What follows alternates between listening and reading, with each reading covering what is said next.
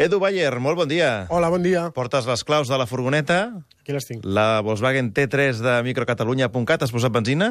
Eh, sí, sí, sí. En general intentem fer. Doncs vinga, arrenquem i anem a visitar un d'aquests municipis de menys de 500 habitants eh, del nostre país, un micropoble. Avui anem fins a tocar de la frontera francesa, a Canejan. Seguim a la Vall d'Aran.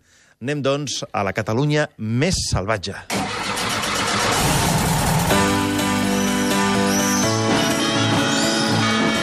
Viatgem per la microcatalunya.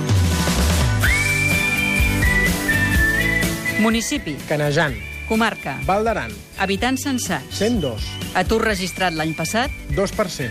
pobles que el conformen, Canejan, Moron, eh, Eramola, Porcingles, Et Pradet, Bordius, Campespín, Era Casenau i Sant Joan de Toran. què s'hi pot menjar? Cuina típica aranesa, com la trobada, patates farcides de carn, i la sanganyeta, un embotit fet de sang de porc. Festa més important, A finals de febrer se celebra la Festa dels Barbacans, on personatges vestits amb pells i banyes d'animals surten pels carrers. i qui és l'alcalde? El socialista Juan Carlos Lastera. El micromoment. Ja estem parlant de cuina a aquestes hores, Edu, ja saps que això és molt perillós, perquè aquí tenim molta, molta gana. Jo recordo, no fa gaire, i vaig anar a la Vall d'Aran i vaig menjar una olla aranesa excel·lent, m'encanta. No hauria de ser l'estiu. No, no, no, era pel mes de novembre. Avui ens situem, com dèiem, a la vall del riu Toran, que estem a, tocar de França, al nord, eh, al nord de Catalunya, el, un dels punts més al nord del país, i com deies, és un municipi que està format per vuit pobles on hi havia hagut unes mines, oi? Sí, eren les mines de Liat i en el seu temps van donar feina a molta gent. Avui dia ja han estat desballestades i encara, si, si us animeu a caminar i teniu ganes de fer una excursió, es poden veure alguns, alguns vestigis que han quedat de les infraestructures que utilitzaven per extreure els minerals. Nosaltres ens vam aturar en un d'aquests vuit pobles, a Et Pradet, que ara s'ha quedat pràcticament deshabitat i on durant l'any només hi viu una família, que són els... Una família. Sí, els radonets. I, bueno, tampoc és tot, tot l'any. Vam conversar amb en Manuel, que mm, ell va néixer al poble i que bueno, se sent d'allà i, i ens, fins i tot ens va dir que és on volia morir. El que passa és que a l'hivern, quan tot queda aïllat i cobert per la neu, la família Radonet, Radonets fins i tot ha de baixar temporalment a la vall perquè és més fàcil de passar els mesos més durs i, a més, és que el Manuel ja té una edat. Nosaltres eh, el vam conèixer a la primavera, quan estava acompanyat de la seva filla, gaudint d'un paisatge frondós, verd i ple d'aigua que baixava del desglàs de les muntanyes. Un racó de tranquil·litat, sens dubte, al que el Manel eh, se sent molt arrelat, perquè aquest senyor Marc se sap, sap que el més probable és que quan, quan ell mori, eh, Et Pradet només hi quedin uns pocs estiuejants que encara hi tenen casa. Per tant, l'últim habitant d'aquests, eh, podríem dir, fixes eh, d'aquest nucli seria, seria Manuel i, Sí. o convenç algú de la seva família perquè ocupi el seu lloc o si no ja només quedarà la gent que temporalment hi passa una estona allà d'estiueig. Eh? Exacte. Us hem portat un fragment de la conversa que vam tenir. Més que més dels animals, tenim vaques, tenim ovelles, i després les terres que es treballaven, és com el dia d'avui. Se ramassava de de patates, i el blat, i el maïs, i una altra classe de gra que ara no s'ha perdut això. Pot ser que algun gra ni de morell, un gra petitet, i llavors de cro, eh, aquí ho devien pasteres. Aquest és en, en Manuel, que ara dèiem que és l'últim habitant, però en, en el seu moment hi devia sí, haver no, més. Ens va explicar, eh, aquí ens estava explicant els seus records, de quan al poble hi havia 80 persones i que degut a la Guerra Civil van marxar i des de llavors el poble s'ha anat buidant. Record, recorda un poble que estava ple de vida i d'animals i llavors ens feia referència als conreus que, ja, que s'hi feien. I a més eh, sentíem com eh, parla aquest català amb tocs d'aranès, de francès, de castellà... Sí, exacte, perquè Canejan és un municipi fronterer. De, de totes maneres, la, la, Vall d'Aran ha estat tradicionalment aïllada per la seva geografia i per nosaltres, que jo personalment no hi havia estat eh, gaire temps eh, anteriorment, va ser una agradable sorpresa comprovar la bona salut de la llengua aranesa. De fet, si em permets explicar una anècdota divertida, ens van convidar a explicar el nostre projecte de Microcatalunya a la delegació de Catalunya Ràdio a la Vall d'Aran, que està a Viella, i la periodista Lisa Scala ens va dir que ens preguntaria, ens preguntaria en aranès, que ja veuríem que seria fàcil.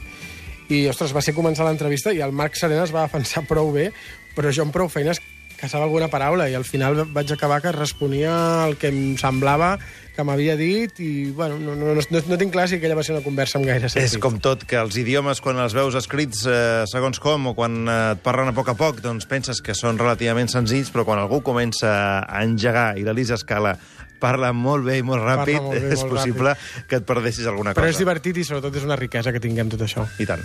La microimatge. La fotografia d'avui, em comentaves, Edu, que és eh, de les runes de la casa familiar de la Josephine, una altra persona que eh, passava uns dies a Et Praet i que us vau trobar de casualitat durant la vostra, la vostra estada al poble. Sí, això mateix, i la seva història és impressionant, eh? Ens hem de remuntar al dia 14 de maig de 1930, 1938, en plena Guerra Civil. La Fina Pujol tenia 16 anys i el seu pare va dir a la seva família que havien de marxar tots d'Et Pradet perquè, i que havien de deixar casa seva amb les cabres, les ovelles, els conills, que allò eren tota, to, tota la seva riquesa. Ja feia uns dies que havien escoltat que les tropes de Franco s'acostaven i pel poble veien desfilar eh, gent que se n'anava cap a França i no els va quedar més remei que escapar. La Vall de Toran en aquell moment ja no els hi va semblar, ja no els hi va semblar segura. Els Pujol, el, els Pujol en parlaven només aranès i van anar a parar cap a França sense saber-ne gaire de, de francès. I a França, eh, la Fina s'hi va quedar tota la vida? Sí, allà es va casar i va tenir cinc fills, que ara li diuen Josephine. Fins i tot ella mateixa ja firma la francesa amb el cognom del seu difunt marit. I vosaltres us vau trobar la Josefina allà també eh, un mes de maig, però del 2014. Sí, sí, sí, i vam tenir la sort de trobar-la passant uns dies a Et Pradet amb el seu fill Francis i la seva filla Michelle. Eh, xerrant vam tenir la sensació de que ho fèiem amb un testimoni de la història.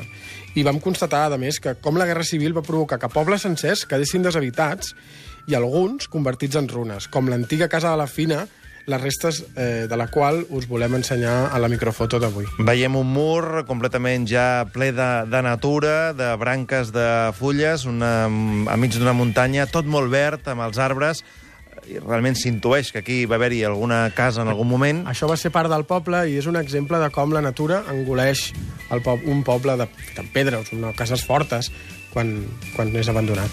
Doncs aquesta és la microimatge que us pengem tot seguit al Facebook i al Twitter del Matí de Catalunya Ràdio. Moltes gràcies, Edu. Fins Adéu, demà. bon dia. Carburant Shell Fuel Safe, dissenyats per reduir el consum, patrocinen aquest espai. El microcatalà. El nostre microcatalà d'avui és una persona que coneix molt bé Canejant. És l'Aleix Saura, que hi té un refugi de muntanya, el refugi d'Era Oneria. Aleix, bon dia. Hola, bon dia a tots. Uh, tu ja fa gairebé 40 anys que vas deixar Barcelona per anar a viure a la Vall d'Aran i en fa 8 que se't pot trobar dia sí, dia també en aquest refugi. Com esteu aquests dies uh, d'agost? Hi ha molta gent? Bueno, sí, comença a haver-hi gent, encara que aquesta vall, doncs, bueno, encara per sort o per desgràcia, depèn com tu miris, encara no és massa, massa, massa coneguda. Però, bueno, cada cop més i hi ha més gent aficionada a muntanya que aquí fa activitats i, bueno, i bé, bé, hi ha bastant moviment. Uh, a dia d'avui podríem dir que, que estar en un refugi de muntanya com, com el teu és estar aïllat o entre internet, el telèfon, les carreteres que ja arriben a tot arreu ja, ja no és així? No, no, d'aïllat res, vull dir, aquí tinc internet, tinc telèfon, si no, no podríem parlar. La carretera, per sort, l'Ajuntament de Canejan me la neteja durant l'hivern quan plou, bé, quan neva i tot això, i no estic perfectament comunitat. Molt Algun bé. dia puntual pot haver-hi algun problema, però no és significatiu en absolut. Què és el que et va atrapar quan vas arribar a Canejant, d'aquesta part de la Vall d'Aran? Home, evidentment la vall, la vall de Toran és, és esplèndida, és una vall molt salvatge, eh, comparat amb el que és tota la vall d'Aran, que per desgràcia ha sigut bastant civilitzada, aquí encara ens mantenim doncs, amb el que era antigament una vall de muntanya, a pesar de que doncs, bueno, s'ha perdut molta gent, s'han perdut certs hàbits com la ramaderia i totes aquestes coses, degut al turisme, i bueno, però, però per altra banda va ser l'encant salvatge i feretge d'aquesta vall, sí, sí. I ara qui són els teus veïns? Bueno, a l'hivern ningú. I ara, doncs, mira, el Manel, aquests de paret, Sí? i algun turista que té una casa de segona residència a Sant Joan de Turan. I algun despistat? uh, per cert... Estats en venen bastant. Sí, no? Sí, gent del poble, també, és, és una miqueta la taverna del, del poble, també, això. Venen a prendre les Ah, cerveses, o sigui, de canejant, bé, bé.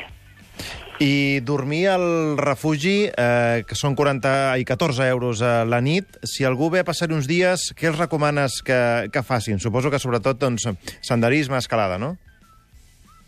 Sí, efectivament, el que més més, el que més és muntanya, vull dir, fer molt senderisme, hi ha ascensions, hi ha pics molt interessants, el Tuc d'Hermer, hi ha racons com Estancaüilla, zones lacustres amb llacs, la visita a les ruïnes de les mines també resulta interessant, i que comportarà més un circuit tancat d'una jornada d'unes 6-7 hores, que és molt agradable. I després a l'hivern també aquí el que hi ha molt és, són moltes canals de gel, és una de les zones més importants del Pirineu i són molt interessants i llargues, sí, sí.